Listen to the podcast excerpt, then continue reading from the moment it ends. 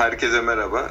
Ee, bir İlker Pırlant abiyle Beşiktaş tarihini yönlendiren olaylar podcastinde daha birlikteyiz. Ee, bu üçüncü bölümünü yapacağız. Ee, bu podcast'in 23 Kasım 1947'ye kadar İnönü Stadı'nın Beşiktaş AYK maçıyla açılmasına kadar geldik. Daha önceki podcastlerimizi dinlerseniz bu serinin geneliyle ilgili bir bilgi sahibi olabilirsiniz. İlker abinin Faik Tribünü'nde yazdığı Beşiktaş tarihini yönlendiren olaylar e, yazısının açılımını yapıyoruz bu podcastlerle. Orada madde madde verilen olayları e, üzerlerine konuşarak detaylandırmaya çalışıyoruz.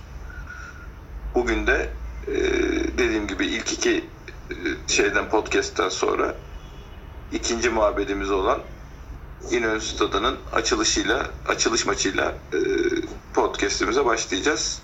İlker abi geçen hafta herhalde geçen haftaydı yaptığımız podcast bu maçta kalmıştık. Biraz da bahsettik aslında ama e, sen istersen tekrardan hani bu ilk defa bunu dinleyenler için açılış maçıyla bir başla derim.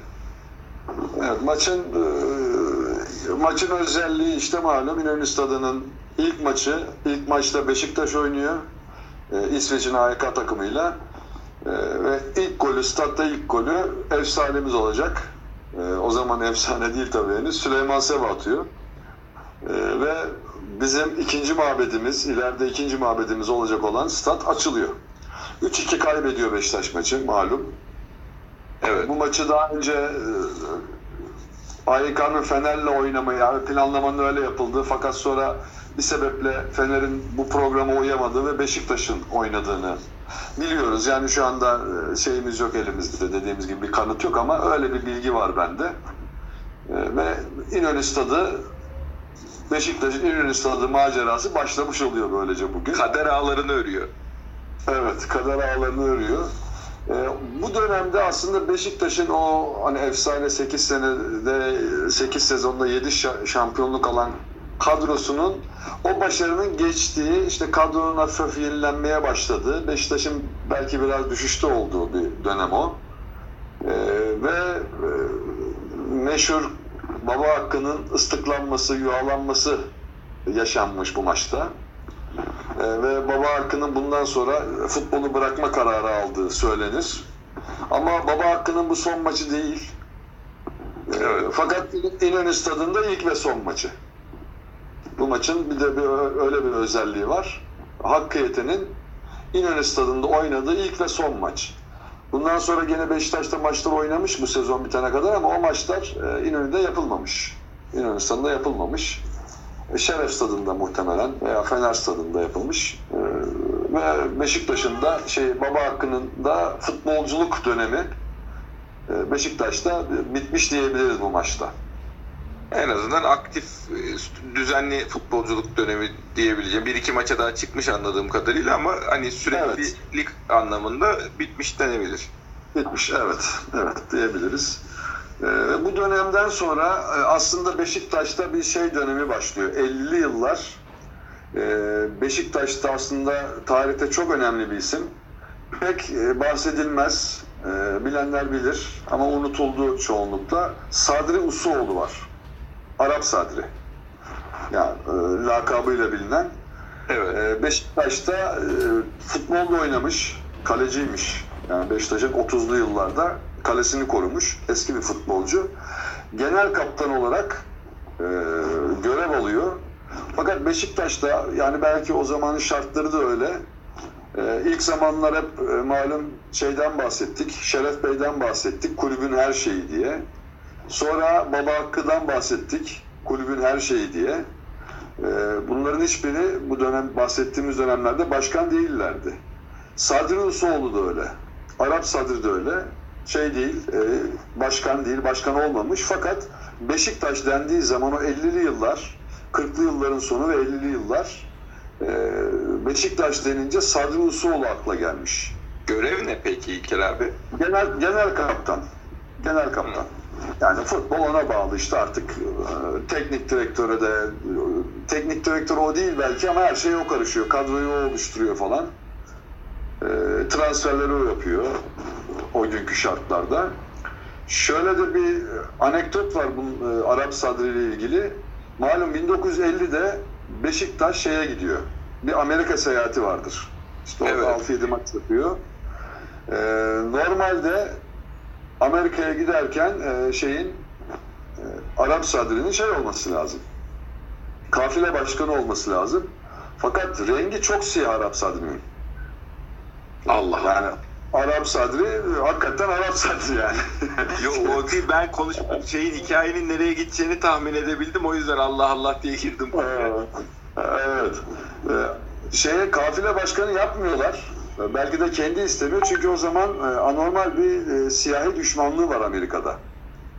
Yani böyle bir yere e, yani simsiyah bir adamın gitmesini uygun görmüyorlar ve kafile başkanı olmuyor. Sanıyorum Baba Hakkı e, kafile başkanlığını üstleniyor o dönemde 1950'de. Ha, 1950'de de şöyle bir şey var. Şimdi e, konu biraz farklı ama yani biz derdik ya dedik ya İstanbul şampiyonluğu her zaman e, milli kümeden de Türkiye futbol şampiyonluğundan da önemliydi. Beşiktaş aslında 1950'de şampiyon, İstanbul şampiyonu ve doğal olarak şeye katılması lazım. E, Türkiye futbol şampiyonasına katılması lazım. Ama Amerika seyahati olunca Beşiktaş hiç e, şey yapmıyor yani. Hiç önemsemiyor Türkiye şampiyonluğunu etmiyorlar yani. tenezzül etmiyorlar. Yani tenezzül etmiyorlar diye kupanın o şeyin e, o- bir şeylerin turnuvaların prestijleri bu kadar. Prestiji yüksek turnuvalar değil. Yani özellikle Türkiye futbol şampiyonası hiç değil. Bu Yani da bir kanıt işte yani. Evet. Daha önce yazdığın yazılara anlattıklarına bir kanıt bu da. İstanbul e, turnuvasının şeyin galibi olmak e, şey için şampiyonluk için yeterli görünüyor. Tabii ki. Tabii ki. Ee, bu, bu bahsettiğimiz sezon 1949-1950 sezonu. Ee, onun da şöyle bir şeyi vardır. O resmi herkes hatırlar. Çoğu Beşiktaşlı bilir. Bir maç sonrası çamurlar içinde bir Beşiktaş kadrosu İnönü Stadı'nın ortasında bir fotoğraf vardır. Süleyman Sefa var içinde. Ee, sanıyorum Şükrü Giles'in de var içinde. Ee, o maç Fenerbahçe ile oynadığımız bir şampiyonluk maçı. Sondan bir hafta evvel e, beraberlik Beşiktaş'a yarıyor. Fener'in mutlaka bizi yenmesi lazım. Şampiyonluk e, iddiası o. Yani bizi geçebilmesi için. Ve Beşiktaş o gün o çamurlu sahada işte Çengel Hüseyin var. Çengel Hüseyin de Beşiktaş efsanesidir. Hüseyin Saygun duymuşsundur. Onun bir golüyle e, o çamurlu havada Beşiktaş yeniyor ve 1949-50 şampiyonu oluyor. Bir sene sonra yine şampiyon oluyor Beşiktaş. 1950-51'de. Bu da aslında enteresan. Bunun enteresanlığı da şurada. e, Beşiktaş son maçta Fenerbahçe ile oynuyor. Fakat e, şampiyonluk yarışını Galatasaray'la yapıyor. Fener'i yenerse şampiyon olacak Beşiktaş. Hmm. Fenerbahçe sahaya iki tane lisanssız futbolcusuyla çıkmış. Yani maç başlarken Fenerbahçe mağlup olmuş. Yani maç başlamadan Beşiktaş şampiyon olmuş diyelim. Ve Galatasaraylılar bunu, bunu çok şey yaparlar. Yani bazı eski Galatasaraylılar işte şike yaptı Fenerbahçe. Beşiktaş'a bilerek maçı verdi. Bilerek lisanssız Peki maç kaç oynadı. bitmiş? 3-1 yeniyor Beşiktaş. Gene de maçı oynatıyorlar ama maçı sanıyorum şey için oynatıyorlar. Yani e, büyük bir seyirci kitlesi var tabii. Şampiyonluk maçı. E, Bu kadar insan gelmiş, maç oynanmıyor hadi güle güle dememek için sanıyorum. Maç oynanıyor. 3-1 kazanıyor Beşiktaş maçı ama 3-0 tescil ediliyor. Tecil ediliyor. Tescil Ama ediliyor. sonuçta maç oynandığında da skor de yani galibiyet ve şampiyonluk değişmeyecek normalde. Değiş, evet. Evet. Yani Be- Beşiktaş yeniyor Fenerbahçe'yi ama Fenerbahçe'nin kurallara uygun olmayan bir kadrosu var sahada sonuçta. İki tane lisanssız futbolcusu var. Ee, Yani maç başlamadan Beşiktaş kazanıyor aslında şey olarak. Hükmen kazanıyor maçı ama yine de o maç oynanıyor bir şekilde. 3-1 bitiyor ama 3-0 olarak geçiyor kayda. Öyle bir maç bu. Bu da ilginçmiş hakikaten. Galatasaraylıların Evet. genel tavrını düşündüğüm zaman bayağı gürültü çıkmıştır diye tahmin ediyorum. Yani o zamanki gürültüyü bilmiyorum da e, Hıncal Uluç'un bir şeyini duymuştum ben bununla ilgili. E, ailesi Fenerliymiş galiba kendisi de çocukken Fenerliymiş. E, bu maça gidiyor ve bu maçta Fenerbahçe'nin bilerek maçı Beşiktaş'a verdiğini düşünerek Galatasaraylı olmuş o gün. Artık ne kadar doğru bilmiyorum. Bu hiç yaşanmış bir olay gibi gelmedi bana. Bilmiyorum. yani eğer şeyi bu olsa yani tavrı bu olsa çünkü oradan da sekip bize gelmesi lazımdı. Yani biri Galatasaray yani hayata bakışı böyle olan bir adamın Galatasaraylı sonra kalmasının bir açıklaması yok çünkü. Yok ya o beyefendinin hiçbir yaptığının pek bir açıklaması yok benim şeyimde de. Yani böyle bir şey var. Bu maçın öyle bir enteresan bir şeyi var yani anekdot. Ee, bir sene bir sene sonra da e, Türkiye'de profesyonellik başlıyor. 1951'de Türkiye'ye profesyonellik geliyor. Ee, tabii profesyonellik şartları muhtemelen belli şeyleri var, kuralları var. Herkes de karşılayamıyor belki de. O günkü şartlarda işte e, üç tane profesyonellik kuruluyor İsta- e, Türkiye'de. İstanbul, Ankara, İzmir. Ve bu tarihten itibaren, 1951'den itibaren işte artık ne milli kümeden bahsediyoruz, ne Türkiye Futbol Şampiyonası'ndan bahsediyoruz. Onlar tarihe karışıyor. Profe- profesyonelliğin gelmesiyle beraber. Ve e, ilk defa profesyonel İstanbul Şampiyonası düzenleniyor. 51-52 sezonu ve gene Beşiktaş şampiyon oluyor. 3 sene üst Statü üste peki abi? statü 10 takımla lig işte birbirleriyle oynuyorlar. Elemeli falan değil, lig usulü tabii. Tamam. Lig usulü 10 takım birbiriyle oynuyor ve Beşiktaş ilk e, profesyonel yani Beşiktaş'ın ilkleri diyoruz ya bir şekilde bize nasip oluyor. Doğru. İlk profesyonel lig şampiyonu da Türkiye'de Beşiktaş oluyor. Şeyi yenerek. Yalnız tabii şurada bir eksik bilgim var benim. Bu seneyle beraber İzmir ve Ankara profesyonel ligleri başladı mı ondan emin değilim. Ee, hatta bu sezon için bildiğim e, bu şeyin prosedürün uzun sürmesi ve 1951-52 sezonunun e, 52 yılının Ocak ayında başlaması. Yani sezon 51-52 sezonu ama 1951'de hiç maç yapılmamış. Prosedürün yetişmemesinden yani takımların bu prosedürü tamamlaması tabii sözleşmeler, ödemeler falan filan profesyonellik yepyeni bir hayat. Doğru. Biraz da biraz da şeyle alakalı tabii Demokrat Parti iktidarı var malum 1950 yılından itibaren Türkiye'de. Evet. Ee, işte e, Demokrat Parti'de e, işte liberal görüşlü, işte kap- kapitalizme yakın bir e, parti sonuçta. Hani CHP Doğru. devlet diyelim o günkü şeylerle, çizgiyle. Ee, Demokrat Parti işte liberal ve sanıyorum onların şeyi biraz. Onun da etkisi var yani bizim hemen e, Demokrat Parti, Parti iktidarından sonra hemen profesyonelliğe geçilmesi.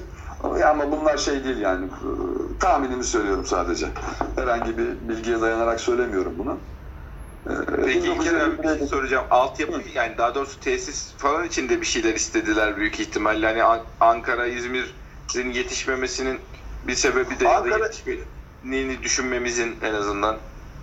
Ya bilemiyorum. Tabii ki bu şeye reaksiyon yani her şey İstanbul üstünden deniyor malum. Yani Doğru. e, Türkiye'de e, hele o dönem bir şey yapılacaksa İstanbul'dan başlanacak.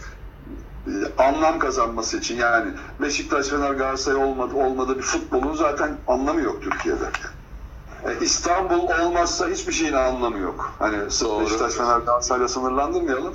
Her anlamda e, işte sanat, kültür ne derseniz deyin yani her şey İstanbul'dan dönüyor. Ticaret, spor da tabii İstanbul'dan dönüyor ve hani İzmir, Ankara yetiştirebildi o aslında kolay ulaşılabilir yani. Her an Maçkole'ye falan girsek baksak o sezonlarda İzmir, Ankara tembellik ettim demek biraz. Şu an aklıma geliyor bu. Ama e, oynansa da oynanmasa da yani İzmir'de, Ankara'da sonuçta e, Beşiktaş, Fener, Galatasaray'dır bu ülkenin lokomotifi. E, Onların oynadığı ilk profesyonel organizasyon İstanbul 1951-52 İstanbul Profesyonel Ligi. Yani İstanbul Ligi artık İstanbul Profesyonel Ligi adını al- alıyor ve Beşiktaş şampiyon oluyor. Bir ilkimiz daha bizim tarihte bu. 53'te olamadık, olamıyoruz şampiyon. Ve 54'te bir şampiyonluğumuz daha var. Yine İstanbul Profesyonel Ligi'nde.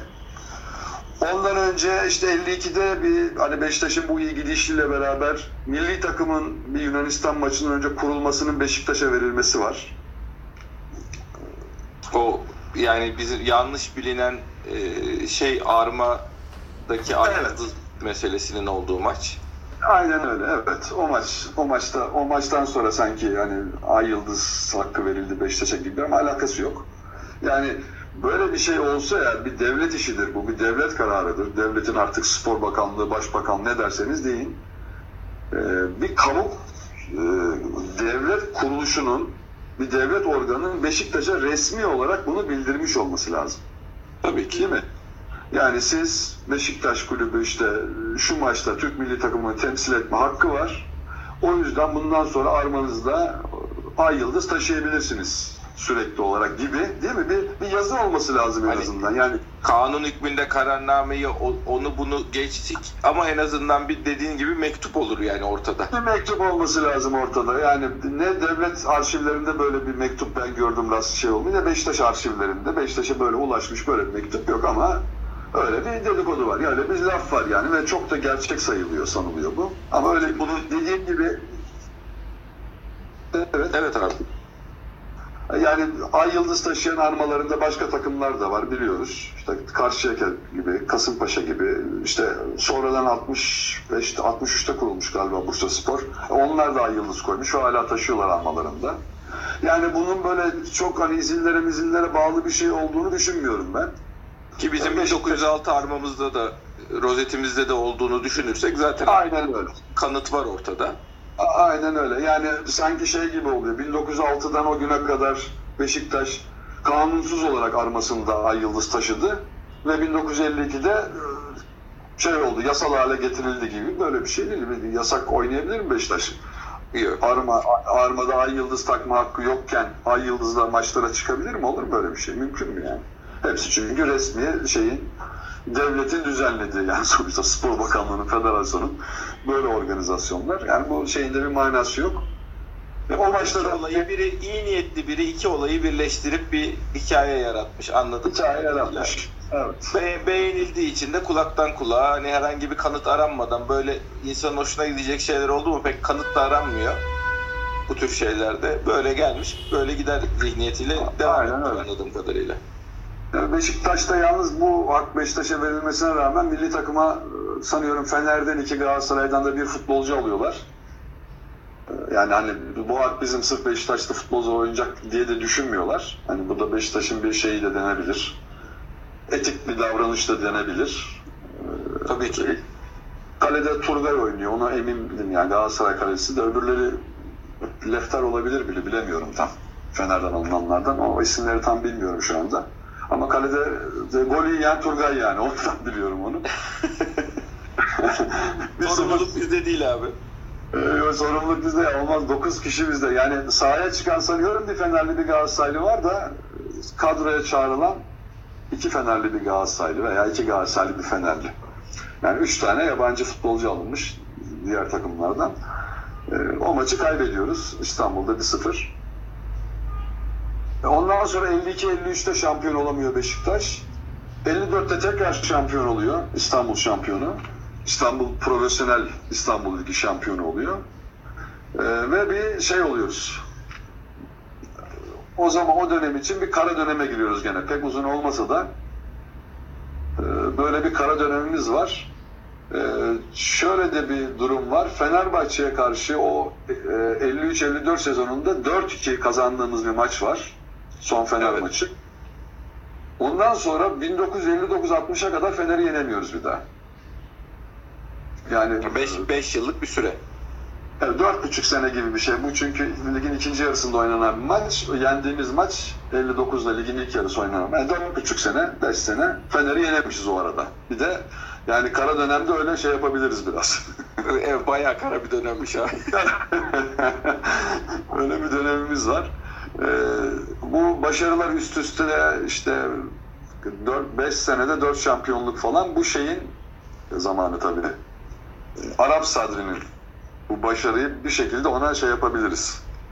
Çünkü kulübün o dönem her şeyi o ve çok etkili böyle şey bir adammış. Yani ben büyüklerden dinlemiştim hikayelerini. Hatta şöyle bir şey duydum bir maçta e, çamurlu bir havada, yağmurlu bir havada Fener'le oynayacağız. Hakem maçı e, tehir etmek istiyor şey yüzünden. Yani Koşullar yüzünden. Evet, e, sağ müsait değil diye zorla oynatmış maçı.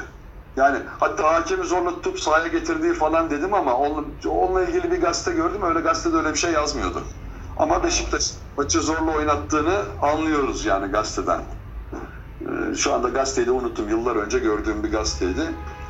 E, Her anlamda sözü geçen bir beymiş yani. Çok evet yani şeye çıkıp böyle sürekli fötür şapka takan biri işte Beşiktaş kazanınca İstiklal Caddesi'ne çıkıp böyle şapkayı arkaya atıp falan şey yaparmış böyle yürürmüş yürürmüş yani öyle bir şey bir adam yani. Ağırlığı olan bir bey. Ağırlığı olan işte korkulan belki öyle biri. Ama tabii her dönemin bir sonu var. Bu 54 ile beraber bitiyor. Ee, Şöyle de bir hatası var şimdi Arap Sadri'nin. Yani belki Beşiktaş ve Galatasaray tarihlerini değiştirecek. Artık hata mı? O zamanki bir karar diyelim. Metin Oktay malum Galatasaraylı. Ee, Evet. İzmir'de yapıyor. Ee, Şimdi ben önce kendi çocukluğumda duyduğumu at- anlatayım. Gençliğimde. Ee, Metin Oktay'ı Beşiktaş'a getiriyorlar. Arap Sadri omuzları dar, bundan futbolcu olmaz deyip istediği para da çok deyip şeyi almıyor. Metin, Metin Oktay'ı Oktay. almıyor. Evet. Fakat bunu duydum. Yani millete söylemeye de çekiniyordum yani. Ya Metin Oktay geldi biz beğenmedik falan gibi demek hani biraz şey gibi. Ne bileyim, kedi uzanamadığı ciğere durumu oluyor. Fakat çok samimi bir arkadaşımın e, hasta Beşiktaşlı babası da onu aynı şekilde anlatmış. O zaman benim kafamda şey oldu bu. E, Demek böyle bir şey olmuş diye düşünmeye başladım. En sonunda Göktuğ Sevinçli var ya meşhur televizyoncu gazeteci. Evet, evet. Hatırlarsın ben gözlüklü şöyle saçları dökük bir ara çok televizyonda çıkardı. Yok, Şimdi takip ediyoruz birbirimizi herhalde. Şeyde Twitter'da da. olabilir. Bir gün bir yazı yazdı bundan 3-4 sene evvel. Metin Oktay'ı Beşiktaş'a getiren İzmir'den Göktuğ Sevinçli'nin babasıymış. Aa, bak bu çok enteresan abi. Bunu orada görünce artık tamamen şey oldu bu. Yani o bizim bilgimiz artık kanıtlandı Peki diye. hikaye bu? Versiyon bu mu yani? Gerçekten böyle olmuş. Böyle olmuş. Ee, yani hep ilk şeyde de demiştim. Beşiktaş'ta eskiden beri böyle bir gelenek var. İyi fizikli futbolcuları seviyor Beşiktaş. O demin anlattık çamurda maçı oynatmak istemenin sebebi de o. Fenerbahçe daha çok ufak tefek böyle çabuk futbolculardan kurulu bir takım olurmuş genelde. Beşiktaş'ta böyle fizikli, oturaklı futbolculardan olan bir takım olurmuş. Yani onun için çamurda oynamak Beşiktaş için avantajmış. Anlatabiliyor muyum? O yüzden Beşiktaş zaten o gün zorla oynatmış maçı. Çamur bizim avantajımız diye. E, Metin Oktay'ın da e, hakikaten Metin Oktay bir santrafor fiziğinde e, şey değil yani anladığımız böyle iri yarı falan bir futbolcu değildi. Evet. olarak da mantıklı geliyor. Omuzları dar bulmuş şey yani bir santrafor için. Ayrıca o zaman işte e, Baracem var Beşiktaş'ta. E, onun aldığı anda çok para istemiş galiba. Öyle bir durum olmuş. E, Yani ben Recep'e bile bu kadar para vermiyorum gibi bir ifadesi olmuş. Bu Göktuğ Sevinçli'nin yazısından duyduğum şeyler bunlar. O yüzden almam ama tabii bir pazarlıkla falan mutlaka bir orta yol bulabilirdi. Adam İzmir'den geliyor. O zaman İstanbul'da tanınmıyor yani en azından Türkiye'den ta- tanınmayan bir futbolcu. Bir şekilde Beşiktaş'ta orta yolu bulurdu ama Beşiktaş almamış yani e, muhtemelen yine şeyin kararıyla, Arap Sadı'nın kararıyla. Ve Metin Oktay Galatasaray'a gidiyor. Ve yani belki Galatasaray'ın tarihindeki en büyük dönüm noktası da Metin Oktay'ın Galatasaray'a gitmesidir. Yani o dediğimiz tribünde hiç olmayan Galatasaray'ı e, tribündeki taraftar sayısını arttıran kişi Metin Oktay diye çok kişiden duydum ben. Yani eski Beşiktaşlardan. Doğru, mantıklı yani zaten hani figür olarak da öyle, Türk futbol tarihinde de öyle bir figürdü. Ee, O Beşiktaş'ta olsaydı dediğin gibi tarih çok farklı şekilde tekrardan yazılabilirdi. Evet. Yani bu onun gelmemesi de belki buraya bir şey olarak bu yaptığımız listeye e, bir eksi şey olarak e, dönüm noktası olarak olumsuz Beşiktaş'ta olumsuz şey olan bir dönüm noktası yazılabilirdi belki. Doğru, O da- hakikaten öyle. Yani şey olarak da bakıyor insan. e, Biz hep dönüm noktası deyince olumlu şeyler üzerinden hani insanın aklı öyle çalışıyor ama dediğin gibi abi altı çizilecek bir şey. Yani Metin Oktay'ın o başarı döneminin sonunda bir de yani 54'e kadar devam etmiş sonuçta o İstanbul şampiyonlukları da. O dönemde bir de Metin Oktay'ın eklenmesi çok değişik bir şeyler yaratabilirmiş. Evet. Gerçi bu sonraki dönüm bu yazıda da olumsuzlar var. Yani Yo yo tamamen ben biliyorum hani dinleyenler için şey yaptım. Evet. Evet. Böyle Beşiktaş bu seneleri böyle geçiyor. Ee, Yani başarısız geçiyor Beşiktaş. Şampiyonluksuz geçiyor. Ee, Sonra Avrupa Şampiyon Kulüpler Kupası diye bir şey kuruluyor Avrupa'da. Yani ülke şampiyonların eleme usulü bir araya gelip işte bir şampiyon çıkaracakları bir organizasyon oluyor. Bu dönem çok önemli abi sözünü kestim özür dilerim. Bu şampiyon olarak tecil tescil edilmemizi de ileride e, konusu olacağı için bu ben şimdi senin bir sonraki dönüm noktası olarak söyleyeyim başlığı 13 Kasım 1958 Real Madrid'de Şampiyonlar Kulüp Şampiyon Kulüpler Kupası maçı Avrupa maceramızın başlaması. Başladı. Bizim Evet. tarihimizi yönlendiren olaylardaki bir sonraki noktamız bu. Ama bunun öncesinde de bizim bir mesela 1957'de de bir normalde gitme hakkımız vardı. Çok- Sen o yüzden hani o dönemden alıp gelirsen şampiyonluklarla ilgili konuşmalarda da insanların e, neden bizim şampiyonluklarımızın tescilinin çok rahat içimiz rahat bir şekilde evet hakkımızdır dediğimizi de anlar insanlar. Doğru, doğru. Ee, Şampiyon kulüpler e, kurulduktan sonra galiba bunun hani bu bir anekdot Beşiktaş'la alakası yok da e, bundan önce Latin Kupası diye bir kupa varmış Avrupa'da. Ee, yani işte dört takımın katıldığı İspanyol, Portekiz, İspanya, Portekiz, e, Fransa ve İtalya şampiyonları bir şekilde karşılaşırlarmış böyle. Adına da Latin Kupası derlermiş. Sanıyorum bu Avrupa Şampiyon Kulüpler Kupası'nın şeyi o. Ee, Temeli. kök orada atılmış, temeli orada atılmış. Hepsi Latin ülkesidir ya şey olarak, dil olarak Doğru. da Latince'den gelen diller. Ee, sonra işte şampiyon kulüpler olarak başlıyor ve e, Türkiye ilk sezon katılmamış buna. Takım göndermemiş yani. İkinci sezon takım göndermeye karar vermişler ancak e, Türkiye şampiyonu yok ortada. Türkiye Ligi diye bir şey söz konusu değil. Şehirlerde oynanan ligler var. Üç tane profesyonel lig var işte İstanbul, Ankara, İzmir. O zaman e, alelacele bir karar alıyorlar ve İstanbul şampiyonunu göndermeye karar veriyorlar. O da Galatasaray. O sezon İstanbul'da e, Galatasaray şampiyon olmuş. İstanbul şampiyonu Galatasaray olmuş ve Galatasaray'ı gönderiyorlar Avrupa'ya. Yani Türkiye, bu, bu da yanlış bilinir e, bazen bazı yerlerde. E, Türkiye'yi Avrupa'da temsil eden ilk takım Beşiktaş'tır işte o Real Madrid maçıyla derler. Çünkü ondan önce Türkiye şampiyonluğu yoktu. E, yani öyle bir mantıkla. Fakat İstanbul şampiyonu olarak Galatasaray'ı göndermiş Türkiye. Öyle bir karar almışlar zamansızlıktan. Bir sezon sonra bu sefer şey yapıyorlar yani Avrupa'ya gönderilecek takımı bir şeyle bir turnuvayla belirleyelim diyorlar. Yani İstanbul şampiyon olur mu? İstanbul şampiyonu direkt Türkiye şampiyon olarak kabul edilmesi tabii ki kabul edilecek bir şey değil yani pek normal bir şey değil. Doğru. E, bu yüzden Federasyon Kupası adı altında e, bir turnuva düzenleniyor. Yani mali ligler bittikten sonra. E, ve işte İstanbul, İzmir ve Ankara takımları oldu. Zaten başka profesyonel takım yok Türkiye'de. Yani üç tane şehirde profesyonellik var. Hani başka takımlar niye katılmadı, niye üç şehir falan denirse onun cevabı o. Profesyonel takım yok Türkiye'de çünkü üç şehir. Profesyonel 3 tane lig var. İstanbul, İzmir, Ankara doğal olarak da Federasyon Kupası bunların arasında geçiyor. Evet, evet. Bunların arasında geçiyor ve işte önce elemeli e, elemeler yapılıyor. Üç eleme yapılıyor galiba. Ondan sonra altı takımlı e, bir final grubu oluşuyor bu elemeden kalanlardan. E, Fenerbahçe de o şeyde eleniyor. Yani Fenerbahçe o final grubuna kalamıyor. Onun için Fenerbahçe yok yani. Hiç sanki bu turnuvayı hiç oynamamış gibi sayılıyor Fener. Yani öyle biliniyor. Ama halbuki oynamış, elenmiş. 6 takımlı bir grupta Beşiktaş birinci oluyor ve e, Türkiye'yi Avrupa'da temsil etme hakkını kazanıyor 1956-57'de. Yani ma- mahalli liglerin dışında bir Türkiye şampiyonu belirleme turnuvası yapılıyor sonuç olarak. Aynen. Evet, Mahalli aynen. ligler gene bilindiği gibi oynanıyor. Onların Oynanıyor, başka birincileri var, başka şampiyonları var. Ama statüsü Avrupa'ya Türkiye şampiyonu olarak birini göndermek olan kupa bu tarihten itibaren Federasyon Kupası oluyor. Evet, Federasyon Kupası olarak ve Beşiktaş kazanıyor Federasyon Kupası'nı.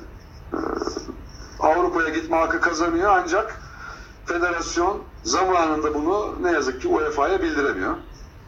Yani bizim şampiyonumuz Beşiktaş'tır, o bizi temsil edecektir diye bir yazıyı zamanında gönderemiyor ve o yüzden Beşiktaş katılamıyor. 57'de. Evet. Ee, ondan sonra bir sonraki sene yine şey aynı. Ee, yine mali ligler oynanıyor. O bittikten sonra yine bir federasyon kupası düzenleniyor. Bu sefer biraz daha değişik bir statüyle oynanıyor. İşte gene önce üçer tane eleme oynuyor takımlar. Ee, iki, ondan sonra iki tane dörtlü grup yapılıyor. Sekiz takım geçiyor bu turları. Ee, iki dörtlü grupta işte birinde Beşiktaş oluyor şampiyon, grup birincisi. Ee, birinde Galatasaray oluyor ve finalde iki maç yapıyorlar arka arkaya Beşiktaş'la Galatasaray. Federasyon Kupası şampiyonluğu için. Beşiktaş ikisini de kazanıyor 1-0 ve Federasyon Kupası'nı 1957-58'de Beşiktaş kazanıyor. Ve bu sefer Avrupa'da e, zamanında bildirmişler demek ki bu sefer. Ve e, Beşiktaş Avrupa'da Türkiye'yi temsil ediyor sezon. 13 Kasım 1958. Evet ondan önce Olympiakos e, gelmiyor. E, Yunanistan'la Türkiye arasında şeyler var. E, siyasi gerilim olduğu bir dönem Kıbrıs yüzünden. Burada Türkiye şey çıkıyor işte Olympiakos'la eşleşiyor Beşiktaş. Fakat onlar protesto ediyorlar hani biz Türk takımıyla oynamayız diye gelmiyorlar maça. Beşiktaş hükmen kazanıp maçları şeye çıkıyor. Bir sonraki tura çıkıyor. Bir sonraki turda da gene işte çok güzel bir kura çekiyoruz her zaman gibi. o Infantino'nun babası mı çekmiş abi bunu? bu artık bilemiyorum. Real Madrid çekiyorlar. Ee, Real Madrid'le e, ilk maç ilk Madrid'de oynanan işte 13 Kasım 58'deki maçta bizim kalemizde Varol var o zamanla. Varol Ürkmez. O da çok şey bir futbolcudur. Böyle renkli bir kişilik yani. İşte çapkın, kumarbaz, ne bileyim ben. Film falan da çevirmiş. Böyle hani e, tırnak hep fırlama derler ya. Hani sevgili Aynen. Ha, öyle bir tip bu. Çok hayatı çok renkli bir kişilik. Yani onun hayatı bile şey olur herhalde. Bir, bir kitap olur herhalde. Ee, onun müthiş oynadığı bir maç var. İşte o Di Stefano'lu falan o yenilmez Real Madrid'e karşı Santiago Ber- Bernabéu'da. Ee, ona rağmen bir yere kadar dayanıyorlar. Sonra işte foul'lü bir gol falan da yiyoruz galiba ve 2-0 yeniliyor Beşiktaş orada. İlk. Senin yazıya koyduğun gazetede mesela Real Beşiktaş'ı tekme yumrukla yendi yazıyor. Evet, öyle. O çok da anlatılır. Ama artık böyle gazetelerde bütün yazılan şeylere de pek inanmamayı öğrendim. Ama bu maç için çok herkes öyle şeyler anlattı. E, Hakikaten çok artık maç 0-0 belli bir dakikaya kadar gidince çok yani yani 5-6 tane atmayı düşünen takım Beşiktaş'a sonuçta. Real Madrid o dönemin yenilmez efsanesi yani yenilmez armada. İşte 2-0 kazanıyorlar ve ondan sonra rövanşında burada e, İnönü Stadı'nda gene çok onun görüntüleri vardır şeyde YouTube'da falan var. Böyle çamurlu bir havada oynanan maçta 1-1 berabere kalıyoruz. Ve Avrupa'da ilk golümüzü de Kaya Köztepen atıyor o golü. Yani Real Madrid maçındaki beraberlik golü. Şeyimiz bu. Yani Avrupa maceramız bu şekilde Böyle başlıyor. O zaman İlker abi şöyle yapalım. 1959 mahalli liglerin kaldırılarak Milli Lig adıyla ilk Türk Futbol Ligi'nin kurulması İstanbul içindeki rekabet ülke çapına yayılıyor. Senin yazıda yazdığın bir sonraki Beşiktaş tarihini yönlendiren olay. Bundan 1973 Mehmet Üstünkaya başkanlığında ilk pahalı transferlere kadar bir 14 yıllık ara dönem var. Şimdilik duralım. Bir sonraki podcast'te de bu ara dönemi konuşalım. Tamamdır. Ee, biz bir sonraki podcast'te bu 14 yıllık süreci ve ondan sonraki podcast'te de 1975 altyapının başına Serbi Ramdi Tüzü'nün getirilmesi ve öz kaynak düzeni diye Beşiktaş tarihindeki dönüm noktalarına devam edeceğiz. Bizleri dinlediğiniz için çok teşekkür ederiz. Görüşmek üzere.